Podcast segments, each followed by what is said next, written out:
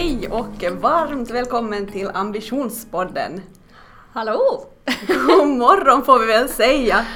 Helt kolmörkt där ute när vi sitter här in i värmen, så skönt, och ska podda.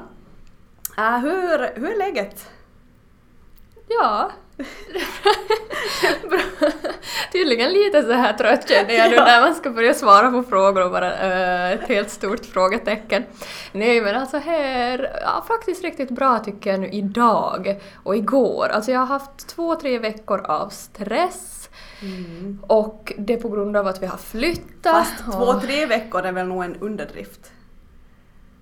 Ja, inte av sån här grov stress som okay. jag tycker för nu har jag ju mm, ändå som alltså haft balans tycker jag mellan stress och alltså nedvarvning och ta det lugnt där innan. Men den här veckan innan vi började flytta och eh, fram tills, ja ungefär för några dagar sen så har nog känts som att jag håller på att dö. Usch.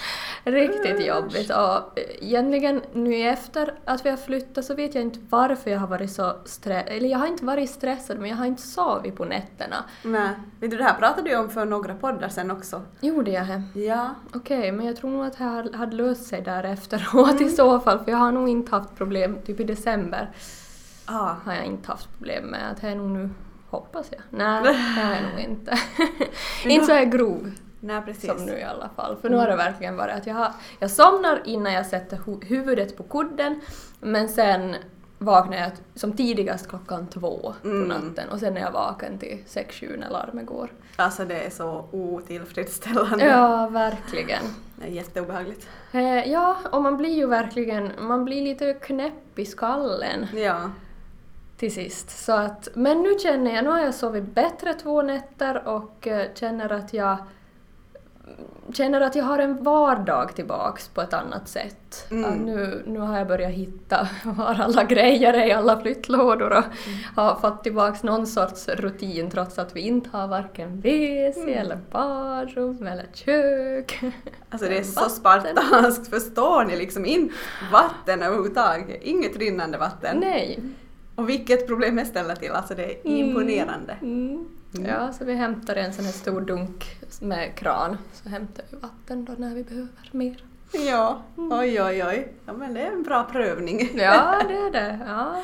kommer bli lyxen när man har ett helt fungerande hem igen. Ja, fint ja, men eh, så på förbättringsväg tycker jag. Mm. Det är för mig. Skönt. Mm, riktigt skönt. Mm. Hur är det själv? Mm, tack, det är bra. Jag, jag är ju nog en sån här ganska stark eh, förespråkare av nyår, kan man säga så. Jag gillar ju det här med nyår, det är så skönt att det är nytt år. Och även om vi nu poddade liksom förra gången om målsättningar inför det här nya året och så här, så känns, alltså redan det poddavsnittet känns länge sen. Mm. Det känns avlägset, det känns som att då förstod jag inte ännu hur underbart det skulle vara att det faktiskt är ett nytt år. Men nu känns det som att yes, januari, mm. väldigt pepp. Um, så jag funderar mycket på mitt ord för året. Uh, dels har jag funderat på self-love uh, i form av att hur viktigt det är att ta hand om mig själv. Mm. Hur viktigt det är att oavsett vad jag ska göra, vad eller vem jag ska leda, vad jag driver på, så måste liksom alltid utgå från att jag tar hand om mig själv. Så det har jag funderat ganska mycket på. Eh, uh, prioritera liksom att få in hälsosamma rutiner, vilket är ju någonting jag gjort länge men att jag måste alltid påminna mig om det. För om jag inte gör det så slinker jag ganska lätt in i ett, i ett annat spår som också är positivt men där inte jag får utrymme själv att ta hand om mig för att jag kanske prioriterar att träffa mycket andra människor och, och sånt. Men sen insåg jag när jag mediterade lite över det här ordet att jag tycker också det är jätteviktigt att träffa människor. Att en del av att jag mår bra är att träffa människor som kanske vill träffa mig av olika anledningar, alltså mm. där jag får ge ut någonting, där jag kan mentorera eller någonting. Alltså det är, det är self-love för mig, att jag befinner mig i den situationen. Det tar som inte bort från mig. Så ja, sånt jag funderar på här nu mm. inför nyår och samtidigt känns det, eller nu i starten av det här året, och, och så känns det också som att, att 2021 är nog väldigt sådär um, helt, alltså svårt att få grepp om. Men ändå jättemycket möjligheter till stora förändringar. Mm. Och det tycker jag är så roligt. så det känns så superbra. För sen när man checkar ut från det här året på samma sätt som från förra året och var lite såhär, åh, oh, ja mina målsättningar, ja det gick ju inte så bra och och sådär. Men det känns mer hoppfullt. Det känns absolut hoppfullt. Alltså jag, jag har nog satt mina mål jättehögt och hoppas därmed på att det här corona inte kommer att klubba ner mina mål och drömmar som mm-hmm. 2020. Ja. Så det är nu min tanke, att åtminstone starta positivt och sen får man väl bara ta som det kommer då. Jo, jo, alltså man får ju vara flexibel och det är ju vår, kanske vår stora fördel att vi mm. lyckas parera sen ifall det, ifall det behövs. Ja, Men bra absolut. start, bra filis. Um, på jobbfronten så är det helt kiva projekt på gång, jätteroliga projekt på gång um, med Yes Communications och jag trivs ju nog liksom i de här projekten och att driva på dem och jag trivs jättebra i kundkontakt och, och i säljkontakt och sånt. Så det är nog jättemycket roligt och, och som jag parallellt ju alltid säger så funderar jag ju mycket på andra, andra saker också, att hur kan jag utveckla det företaget och finns det annat jag ska utveckla också? Och Melo har likadant. Vi snurrar på, vi ska marknadsföra oss, eller hålla på att marknadsföra oss mer aggressivt just nu för att få ut budskapet och hoppas att folk vågar lite, lite ändå stiga över tröskeln. Mm. Fast det tyvärr är ganska mycket corona just nu i Vasa. Mm. Ja. Mm. Mm. Jo, kom kom. ja, exakt. Välkomna. Härligt gäng väntar. ja, vad fint. Alltså vi, ska vi köra igång? Ja, men det tycker jag. vi har som ett tema idag att vi har aldrig någonsin förberett så lite som inför idag. Nej. och liksom målet på något sätt, eller vi bara ja men det här har vi så mycket att prata om så att det kommer bara att rulla på. Mm.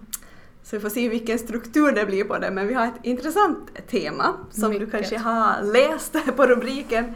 Så kommer vi alltså snacka om kombinationen av familj och karriär. Mm. Hur funkar det? Hur går det att balansera upp på något sätt? Vad har vi för tankar om det? Vad är vår egen drömbild? Hur skulle vi vilja att våra egna liv ser ut? Mm. Hmm. Um, hur, hur såg det ut för dig? Jag tänker att någonstans så har man ju på ett eller annat sätt har man ju blivit präglad hemifrån. Mm. Uh, hur man tänker kring de här bitarna just. Hur såg det ut? Hur var din situation på hemmafronten med dina föräldrar och karriär och, och tänkte de? Mm. Um, min... Innan, alltså innan jag blev född så, eller ska vi säga som så, jag har förstått att min mamma, hon har nog faktiskt varit väldigt driven innan hon fick mig. Mm. Um, det är, som, det är roligt för när du själv blir vuxen så börjar du lära dig mer och mer om dina föräldrar. Mm. Vilket är väldigt intressant och uh, ja, man lär sig otroligt mycket och kommer till insikt med massor. För när man var ung så var de bara föräldrar, punkt. Ja, de var inte så mycket mer. Mm. Men nu börjar man verkligen lära känna dem på ett annat sätt och jag inser när jag tänker på min mamma att hon har nog varit väldigt driven och, och hon jobbade på bank då Ah, innan hon fick mig. Mm, Okej. Och var väldigt karriärsfokuserad. Mm. Men uh, i och med min födsel så fick hon stroke, uh, alltså hjärn, stroke, Hjärnblödning. Hjärnblödning heter det. Och uh, därmed tappat talförmågan eller blev stum, eller inte helt stum utan jag förstår henne idag som att hon skulle prata men det är ju för att hon Mm. har sitt egna språk med familjen. Ja. Så för mig, jag, det är inte någonting jag tänker jättemycket på, att Ja. hon inte pratar normalt, utan det är ju först när jag är i andra, alltså när nya människor träffar henne och Mm. jag inser ah, ni fattar ingenting, att jag måste jobba som tolk här nu. Ja, men precis. det är då först som jag inser, ja just ja, nu Ja. måste jag hjälpa till för att ingen annan förstår. Eh, och eh, det förstås eh, gjorde ju att uh, de, först, de här första åren som hon försökte förstås få talförmågan tillbaks och då, då gick hon i, i vuxen, på vuxenutbildning och Mm. efter det så, så lämnade hon då på gården och jobbade hemma. Ja. Och det här inser jag nu att jag har ju som ingen aning om hur, hur kändes det för henne. Mm. Det inser jag först nu i vuxen ålder att, att ja, tänker att var det verkligen någonting hon ville Mm. eller var det, blev det bara så? Att det Ja. var enklast. Mm. Och min pappa vet jag att uh, var väldigt, väldigt intresserad av byggbranschen och jobbade som ung inom byggbranschen och ville jag tror att han skulle gärna starta eget byggföretag. Mm. Men blev tvingad av min farfar och mm. familjen att ta över jordbruket. Var han äldsta sonen eller? Han var yngsta sonen. Han var yngsta, mm. okej. Okay. Ja. Mm. Han är två bröder ja. och en syster och yngst av de tre. Mm. Så att, eh, ja, lite intressant ändå hur det kan gå. Mycket. Uh, och han lever inte mera idag så att uh, han han uh, blev bonde och fick leva så. Ja. Vilket är ju jättesorgligt också när man ja. tänker på. Ja. Så att jag tror nog ändå att det, båda mina föräldrar har, har haft starka driv. Mm. Men tyvärr har båda två drabbats ganska hårt av livet. Ja. Och jag vet att jag själv har blivit pushad ganska mycket under min, min barndom att jo men att du kan bli vad du vill och och du ska satsa på skolan och du ska ta dig mm. långt. Och, ja. Mm, så att båda har nog som... Att det har varit viktigt att jag ska ja. få göra det jag vill, helt enkelt. Mm, det är jättefint. Mm. Jag tror vi pratade om det där en gång också, om att man som uh, på något sätt tar, alltså gör revansch för sina föräldrars del, att de kunde Mm. inte kanske förverkliga sina drömmar så kan man istället göra det. Um, ja. Men det är ju ja, lite liknande, ja, jag vet inte, vad ska man säga? Alltså min mamma har varit hemma i 20 år med oss. Um, så hon har inte aldrig varit liksom karriärsfokuserad eller intresserad. Och det märks nog tycker jag överlag också att jag känner, jag har aldrig känt någon, att jag behöver prestera i skolan eller att inte känner jag att de var så intresserade av vad man fick för vitsord. Att det var det var viktigt att man klarade sig och så var det nog bra liksom att ja, ja, nej, men kämpa på nu, ja, ja, nej, men det fixar sig bra, att inte det, var det en sju eller en tio, att, det var inte så stor skillnad. Och på så, jag skulle säga att de har nog som inte alls känts som att de skulle tänka karriär, varken mamma eller pappa. Sen har ju pappa absolut gett uttryck för att han har haft andra drömmar än att ta över bondgården. Men, men då just som äldsta son så, så blev det ju hans lott att göra det. Och där märkte man ju nog ibland liksom, ibland puttrade det sådär försiktigt mm. igenom en liten så här Ja, lite besvikelse att ah, mm. men det blev sådär att jag skulle nog kanske vilja göra någonting annat. Um, han har ju också gått bort så man får ju inte riktigt svar på de här frågorna. Nej. Försöker ibland tenta mamma men det är nog svårt för någon annan att prata. Mm. Eller som för hennes del att prata för, för hans del, att det, mm. det är jättesvårt. Um, ja, så väldigt sådär avslappnat. Men däremot har pappa alltid varit som jättepepp för saker vi har velat. Och alltid som hejar på och han bara... Jag minns hur det var när man var liten och ville göra någonting. Först frågade man mamma, för mamma var hemma och pappa var ute på gården. Och så bara åh men får jag åka till Åland på en sån här resa? Nej, nej, nej, varför skulle du göra det hemska saker? Det är absolut inte. Och så går man och frågar pappa så, så här, Ja men såklart, du ska till Åland, självklart! Jo, jo, jo, nej men det fixar vi. Och ja, på något sätt har han varit väldigt så här livsbejakande. Och, och fastän ekonomin har varit skral så har han velat möjliggöra vissa saker för oss. Mm. Jag fick spela elgitarr uh, när jag gick i högstadiet, vilket inte liksom var billigt för vår familj. Och, och han fixade en sommarhäst åt min lilla syster som mm. älskade att rida och, och hon fick ta privatsånglektioner och så han har nog fixat och trixat med sådana saker som att vi ska få utvecklas och testa på. Så jag tror nog att det skulle vara intressant att veta vad skulle han ha gjort om han skulle ha fått chans att välja själv. Mm. Mycket spännande. Men um, det förblir, det förblir en, en gåta i det här fallet. Ja. Men lite sådan, sådan bakgrund. Mm. Mm. Hur tror du sen att våra, alltså våra karriärer har påverkats av våra förhållanden? Mm, är det ja. någonting du har tänkt på just att... Ja, alltså det är en gemensam nämnare för oss att vi båda har relationer och att vi har Mm. haft det länge. Um, absolut påverkas ju liksom ens liv av det, att man är, är två som hela tiden ska komma överens och hela tiden ska kompromissa. Och jag, alltså, jag tror absolut att jag ska flytta vidare.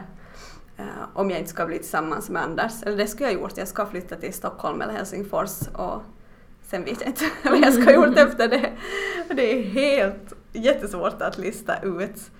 Um, men jag skulle ha bott på annat ställe och det skulle nog ha påverkat.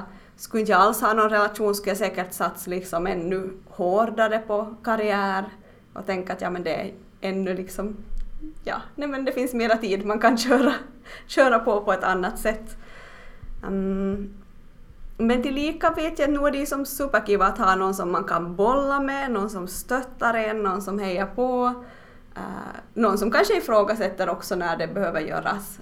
Så det finns ju grymma fördelar som jag inte heller vet hur det skulle se ut om inte de skulle ha funnits. Mm. Hur ser du på, på relation och karriär? Alltså, jag tänker bara om, eh, utan att nämna några namn nu, men jag tänker bara på om jag skulle vara tillsammans fortfarande med en av de här första pojkvännerna jag hade, vilket ju då var när man var väldigt liten eftersom att jag och Jona har varit tillsammans sedan vi var 15.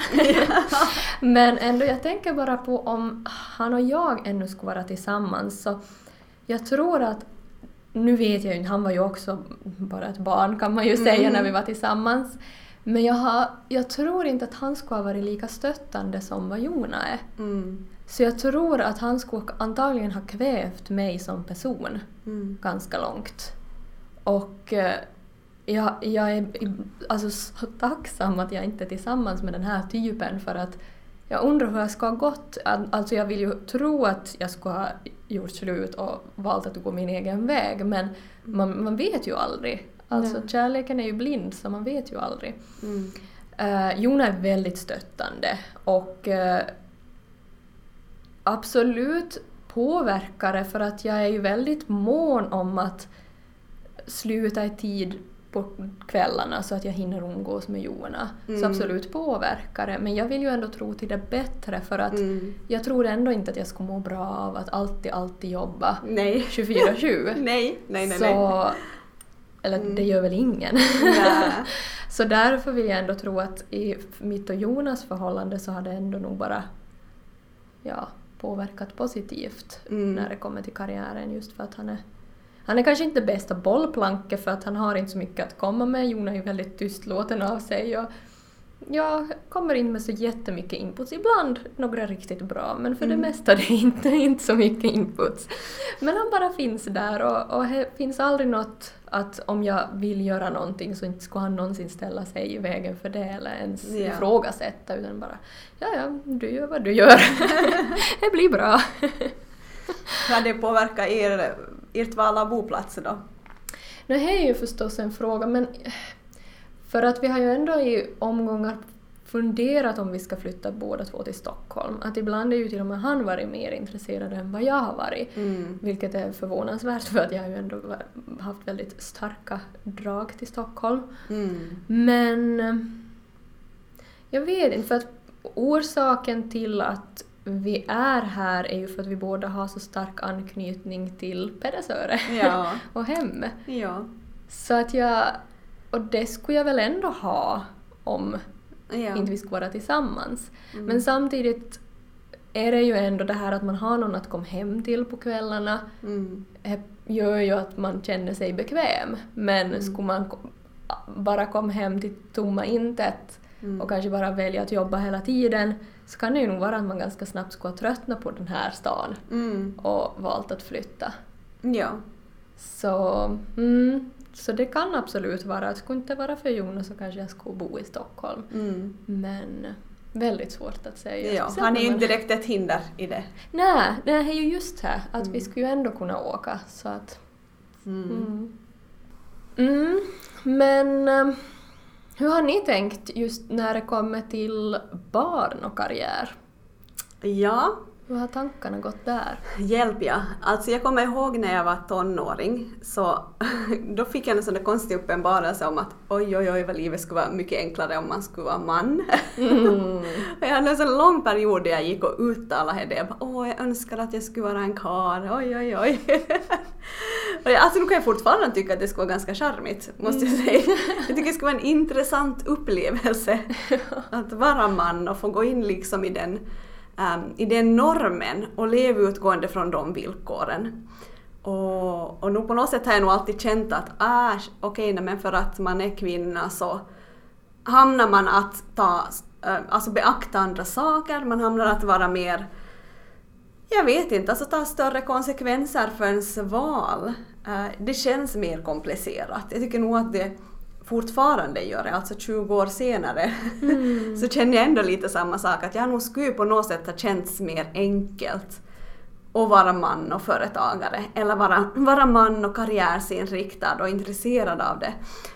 Um, så nu, vi har funderat mycket kring de bitarna, att liksom hela det här paketet med, med att det känns lite ojämställt och hur ska man förhålla sig till de sakerna då, just när det kommer till barn och karriär. Hur ska man tänka? Och hur man än vänder och vrider på det, hur mycket vi än liksom vill vara feministiska och jämställda så kommer vi ju inte ifrån den här biologiska aspekten. Det går som inte att förbise att det är vi som kvinnor som ska vara gravida och bära mm. barnet de där nio månaderna och det påverkar i så fall vårt mående på olika sätt. Och eh, sen efteråt, beroende på om man ammar eller inte ammar man, så har man också en helt annan väldigt aktiv roll. Och eh, sen är ju ens kropp eventuellt ganska slagen efter det här så att det tar en lång tid av återhämtning för kroppen. Mm. Om man bortser från de bitarna så är det ju nog mycket som kan vara väldigt, väldigt, väldigt jämställt. Och eh, där tänker jag nog att det är mycket som sitter i huvudet på folk. Mm. Och då menar jag inte på män Uh, kanske jag menar till och med på kvinnor ibland.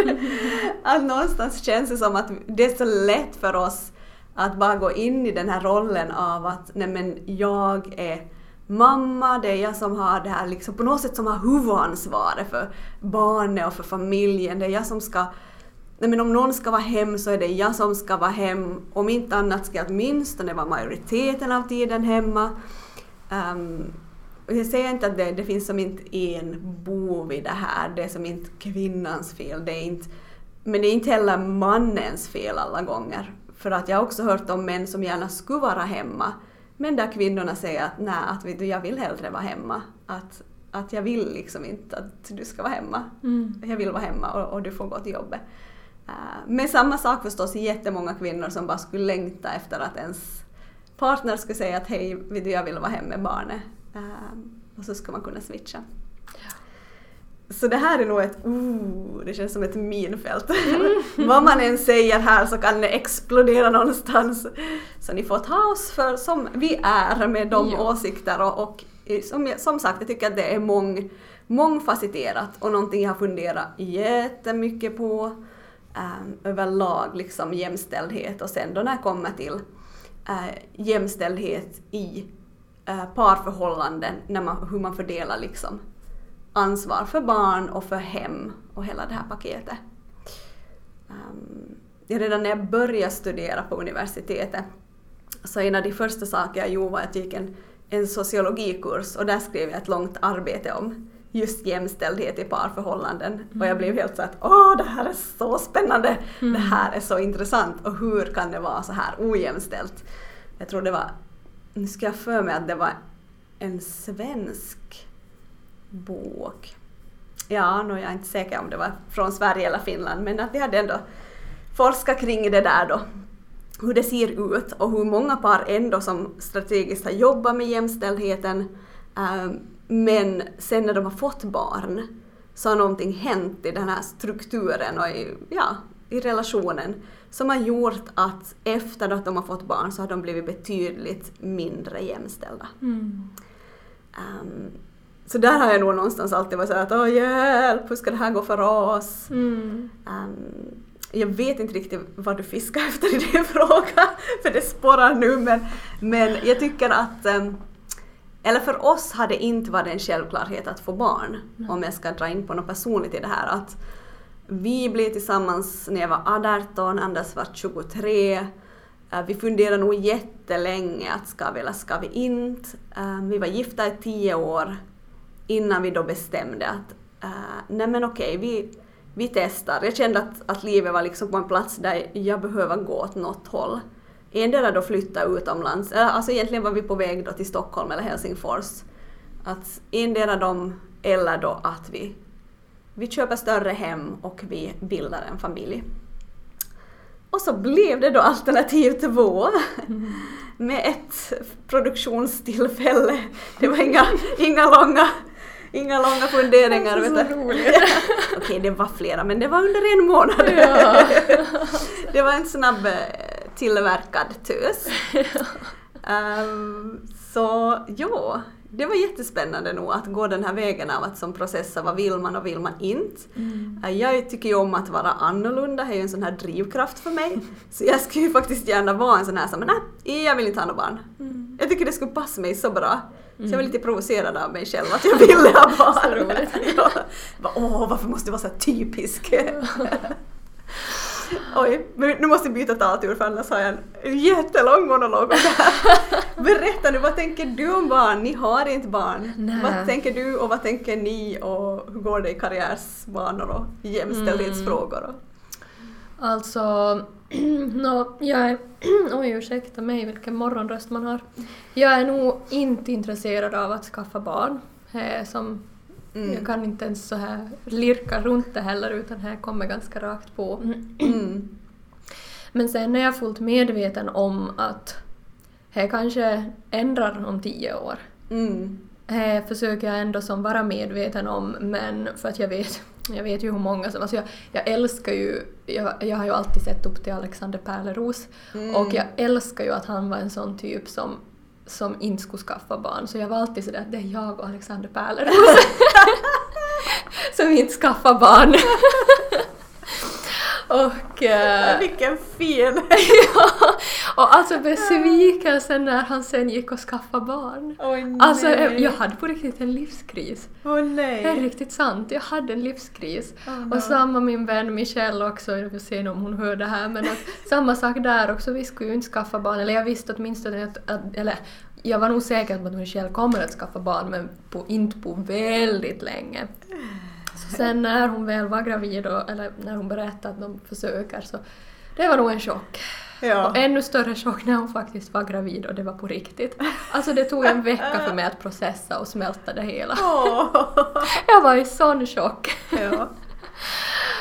Jag är nog glad för Michelle, absolut, och samma för Alexander, men det är bara så svårt för den här egna biten att smälta. Att, men det är intressant det där när man väljer någonting som är lite mer obekvämt eller ovant mm. eller vad man ska kalla det, originellt, eh, så blir det här behovet av att hitta andra att identifiera mm. sig med blir ju som förstås större. Mm. För att jag menar vadå, att hitta någon som är förälder är ju inte svårt. Nej, nej. det är som hela samhället är uppbyggt kring det, ja. att man ska vara förälder och, och sådär. Så jag mm. fattar nog att det kan vara jättejobbigt. Mm. Ja, jag förstår det jättebra. Mm.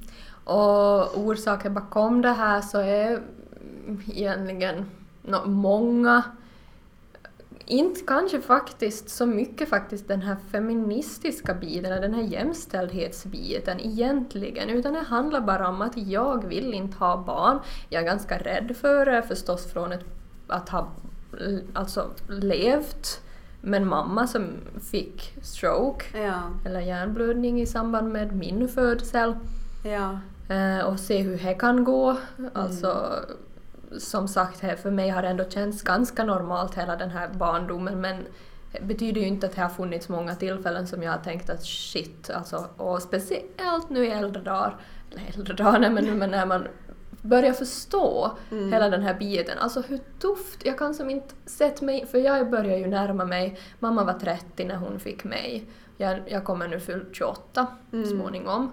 Och nu först börjar jag som, alltså om jag nu skulle få barn och hjärnblödning, stroke, och inte kunna prata. Mm. Alltså Nej men alltså jag får sån panik och det är så mycket med det här med Nej, alltså jag får riktig panik av allt som har med barn att göra. Att tappa den här friheten, att tappa mig själv. Mm. Usch, nej, så jag vet inte. Det är nog många, många rädslor som är kopplat till det här mitt beslut eller mitt, mina tankar. Ja. Och bara det här förstås att jag är så karriärsfokuserad. Mm. Att jag vill, alltså det är så viktigt för mig att uppfylla mig själv på något vis in, Mm. innan i så fall, om jag då väljer att skaffa barn. Men då ska jag verkligen ha uppfyllt mig själv och jag, jag är helt 100% säker på att skulle inte jag nå dit vad jag vill innan skulle inte jag kunna vara en bra förälder. Alltså Mm. helt övertygad om det. Jag skulle vara en värdelös förälder för att jag skulle bara vara en sån som tänker att du har berövat mig på det här Mm. livet som jag ville ha och det blev inte som jag hade tänkt. Nu sitter jag här då med dig. Jag tror jag skulle bli riktigt en sån förälder. Men om jag är här nu då lite och pottar på det här. Ja. för det här är ju spännande för nu ger det ju bilden av att bli förälder är liksom det här stereotypiska eh, nästan som kvinnofällan. För nu finns ju extremt många män som gör otroliga karriärer när de har fått barn. Mm. Inte stannar ju deras karriär upp, de kan ju driva alltså multimiljonföretag, alltså enorma företag, många företag och kan göra enorma karriärer utan att det är något hinder att de har barn. Hur tänker du kring det? Alltså jag är så provocerad. Varför kan Ja. inte du göra det? Alltså är klart att jag, jag vill ju tro att jag kan göra det. Ja. Men sen vet man inte hur man kommer att må. Mm. Som sagt, vad händer under graviditeten? Vad händer efter graviditeten? Vad får man för barn? Alltså, he, för jag tror ju det värsta förstås. Jag tror ju som att jag kommer dö, typ. Eller att jag just blir stum, eller att jag får ett barn med extrema behov som gör att man absolut inte kan tänka på någonting annat än ens barn. Mm. Nej tack. och jag blir så, alltså som sagt, jag blir så provocerad av just den här biologiska biten. Alltså så irriterad, för som sagt, jag vill inte ha barn. Och om, men samtidigt så kan jag som känna att vill man då, eller jag är rädd för att jag ska vakna upp då som 65-åring och tänka Mm. nej, varför skaffar inte jag barn? Ja. Jag är ändå livrädd för den biten också. ja. Och det värsta är ju att, som sagt, jag fyller snart 28. Det känns som att jag har ungefär 10 år på mig att bestämma mig. Mm. Vilket är ingenting i min värld. Ja. Alltså ingenting. Och jag blev så provocerad på tal om fram- framgångspodden när jag lyssnade på ett av de senaste avsnitten, men nu kommer jag inte på hans namn, Gyllenhammar, nej vad heter han?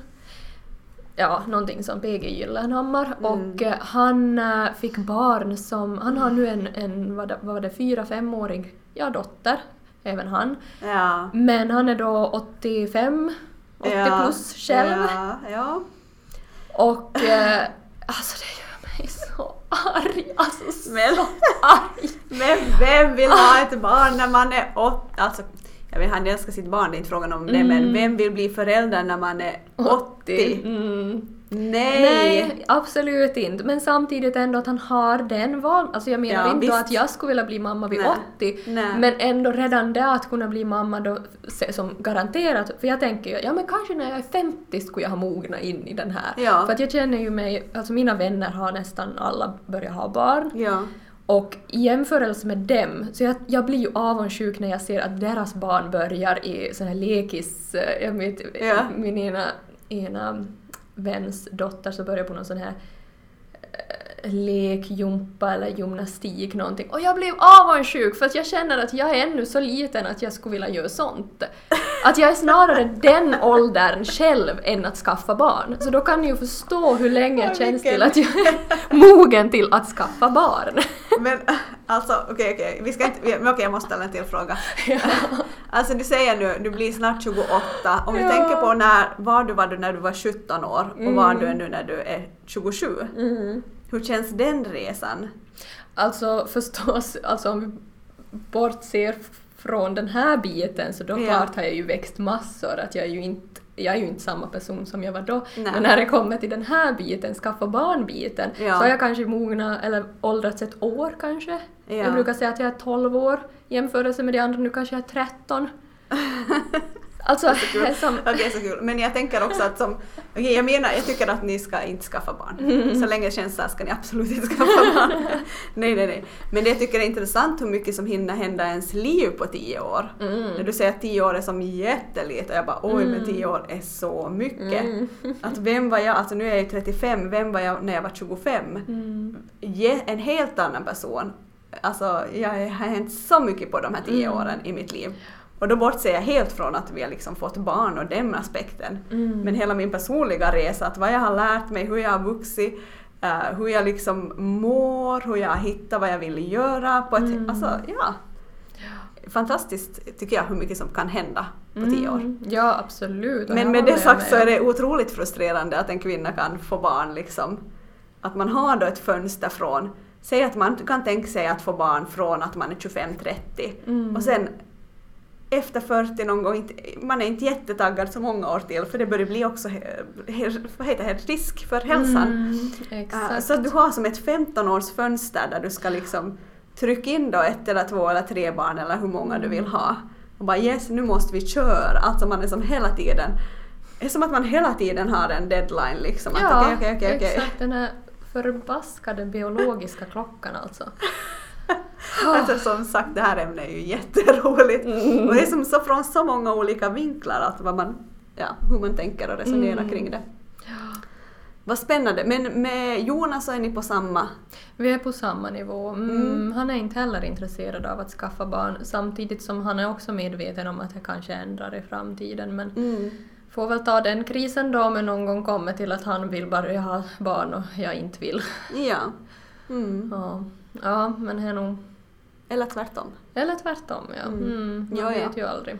Nej, för som sagt, jag alltså inte, inte säger det att jag inte är medveten om att det kan ändras, för jag vet Mm. hur snabbt det kan gå. Ja. Alltså för här, här vet jag ju, jag har ju vänner som har sagt att det, var under ett samtal med vänner som jag bara hade Ja. ändrat. Jo. Jo, exakt. Ett ja, samtal och så bara Ja. ja, nej men kanske man ändå skulle skaffa barn. Ja.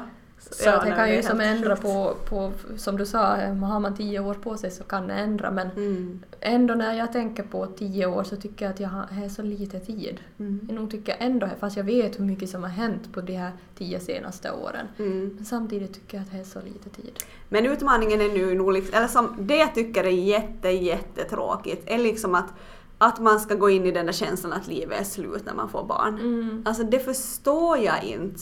Och samtidigt, jo, jag ser att ganska många går temporärt in i den rollen. Mm. Och det har nog alltid varit ett så skräckexempel för mig, att jag vill som inte leva mitt liv så. Mm. Ehm, med det sagt så tror jag att det kan, alltså om man då får ett barn som är krävande, någonting i situationen är som, ja men är lite mer krävande, så då kanske man måste för en tid göra så. Mm. Men det betyder ju inte att du kommer att göra det resten av livet. Kanske betyder att du behöver satsa fem år jättemycket på det barnet, på att vara tillgänglig på kvällarna, på hur det än är liksom. Mm. Men eh, ja, jag vet inte, det har nog alltid provocerat mig så mycket att det är som att slurp, alltså man blir liksom helt upps, alltså helt insluten i den här föräldrarollen och det är det enda som gäller.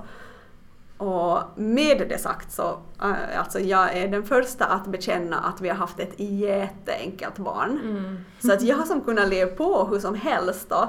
Och jag har fått så många kommentarer, alltså du vet inte hur många som har kommenterat min livsstil. Mm. Och många som unga tjejer som har varit såhär ah, att, oj Julia jag ser så upp till dig, jag ser så upp till er att ni är som så aktiva fast ni har fått barn och ni träffar och ni lever liksom som ungefär som att ni inte skulle ha barn. Mm. Det är förstås inte sant att klart att vi liksom vi prioriterar hemmatid på ett helt annat sätt och det är Mm. viktigt för oss båda att vara hemma både med varandra men absolut med liv, det är Mm. jätteviktigt.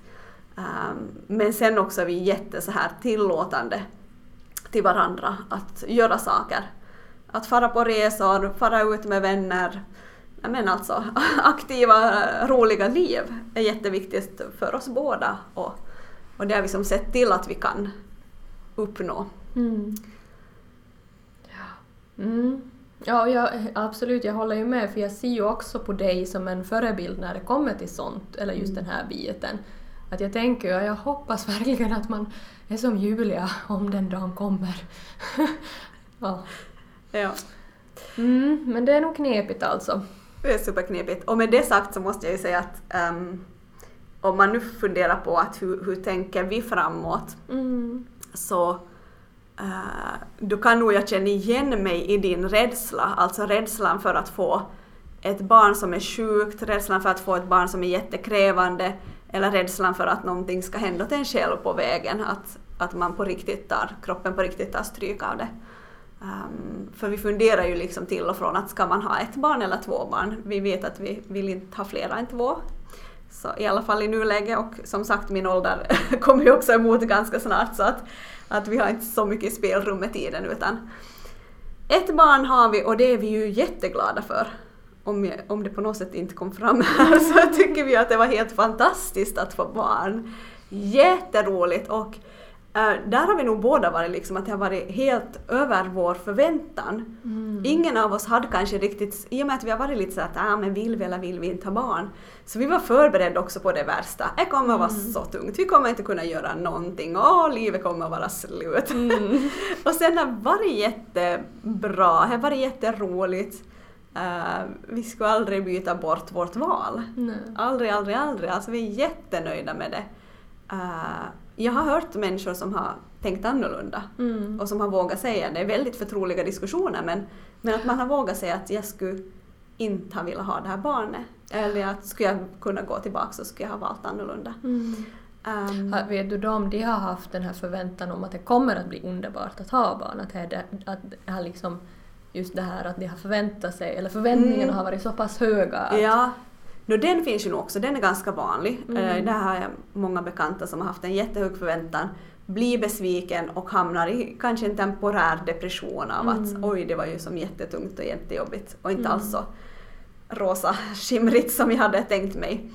Um, och här i, i så här specifika fall när man inte skulle kanske ha velat liksom ha så är det många andra komponenter. Um, där är väldigt många komponenter som spelar in. Mm. Mm. Mm. Intressant. Ja, nej men det, det är det och äh, det är nog ett bollande. Och som sagt, jag tycker det känns som, för oss känns det som att vi ska ta det här valet på nytt. Så jag kan mm. identifiera mig i ditt val. Mm. Att jag, har, jag kan ha liksom, och speciellt eftersom, som sagt 35, alltså Åh, oh, jag skulle inte vilja vara 40. Alltså nej, nej jag vet inte, jag skulle inte vilja det. Mm. Nej, så det betyder att det ska nog som, ska vi ha ett till barn så ska det nog hända åtminstone inom tre år. Mm. Absolut max liksom. Um, mm. Så det här kan nog vara lite sådär ångestladdad uh, ångestladdat ämne för mig. Mm. Vi pratade om det senast igår kväll i bastun, jag och Anders. Hur ska vi tänka nu? Vad, ska vi, vad tycker vi om det här riktigt? Eh, så det, det är ett spännande samtalsämne. Mm. Ja. Och inte bara enkelt. Ja, jag skrattar nu när du sa bastun. Alltså det jag har ju också jag har ju sagt åt Jon att om den dagen kommer att vi bestämmer oss faktiskt för att vi vill ha barn så har jag ju enorma krav kan jag ju nog säga. Alltså det är ju som inte, inte bara sådär att vi skaffar barn utan det första som sker är att jag får en PT som Jona betalar för. Jag liksom, helst ska det vara även kostschema och hela den biten. Och jag vill um, ha städerskan, och just det vill jag ha redan från och med när den här lägenheten är klar, men ändå, alltså det ska vara så mycket som kan underlätta. För att som sagt, jag tror ju det värsta. Mm. Så att allt som kan underlätta så ska finnas där före. Och jag, jag, jag skulle som helst ha en nattskötare och nanny och allt det här. Alltså hela paletten. Men jag ska ju bli miljonär så att det borde ju lösa sig. ja, ja, ja, ja. Ja, vad spännande. Få se, ja. få se då vad ni är om tio år. Mm. Hur det blir och hur det landar. Och. Mm.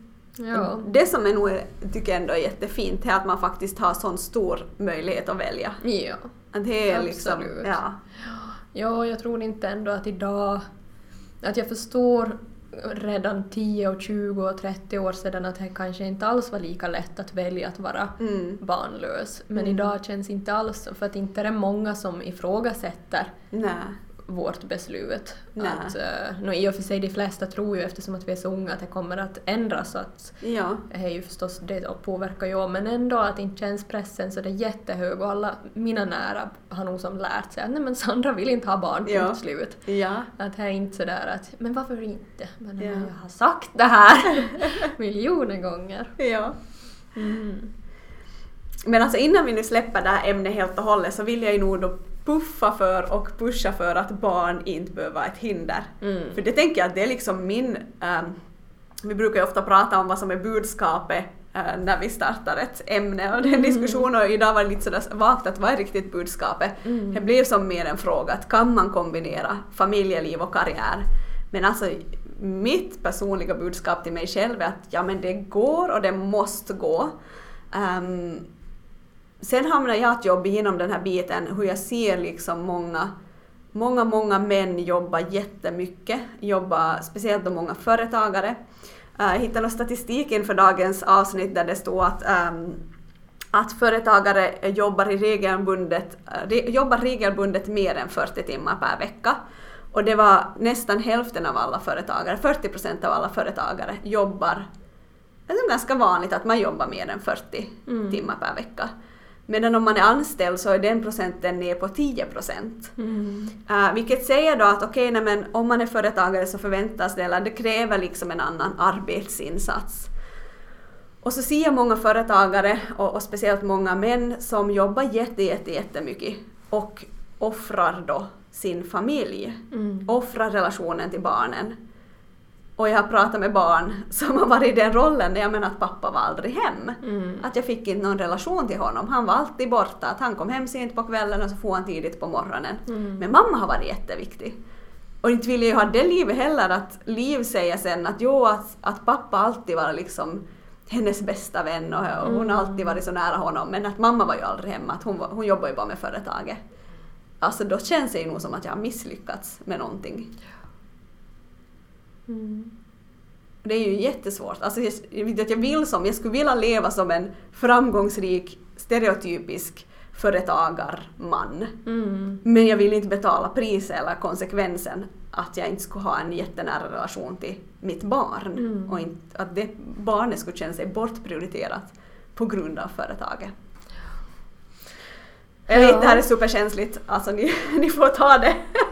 ni får ta det med den mm. Nej men alltså jag fattar verkligen för att om jag också tänker på den här situationen att jag skulle skaffa barn så det sista jag kan tänka mig är ju att det här barnet skulle känna sig bortprioriterat. Mm. Alltså det, finns inte heller i min värld och som återigen tillbaks till det varför jag inte vill skaffa barn känner jag inte att jag skulle kunna ge det här barnet 100 procent. Mm. Så då ska jag inte skaffa barn. Mm. För att ja, jag vill som att nej, inget barn ska behöva, just som du säger, växa upp med en förälder som inte är där mm. för det. Mm. Mm. Så det är nog, jag förstår den här stressen av att man vill ju som allt för sitt barn. Ja. Och att hitta balansen där, att man både får ja, ha karriären, ja. ha en relation till sitt barn. Ja.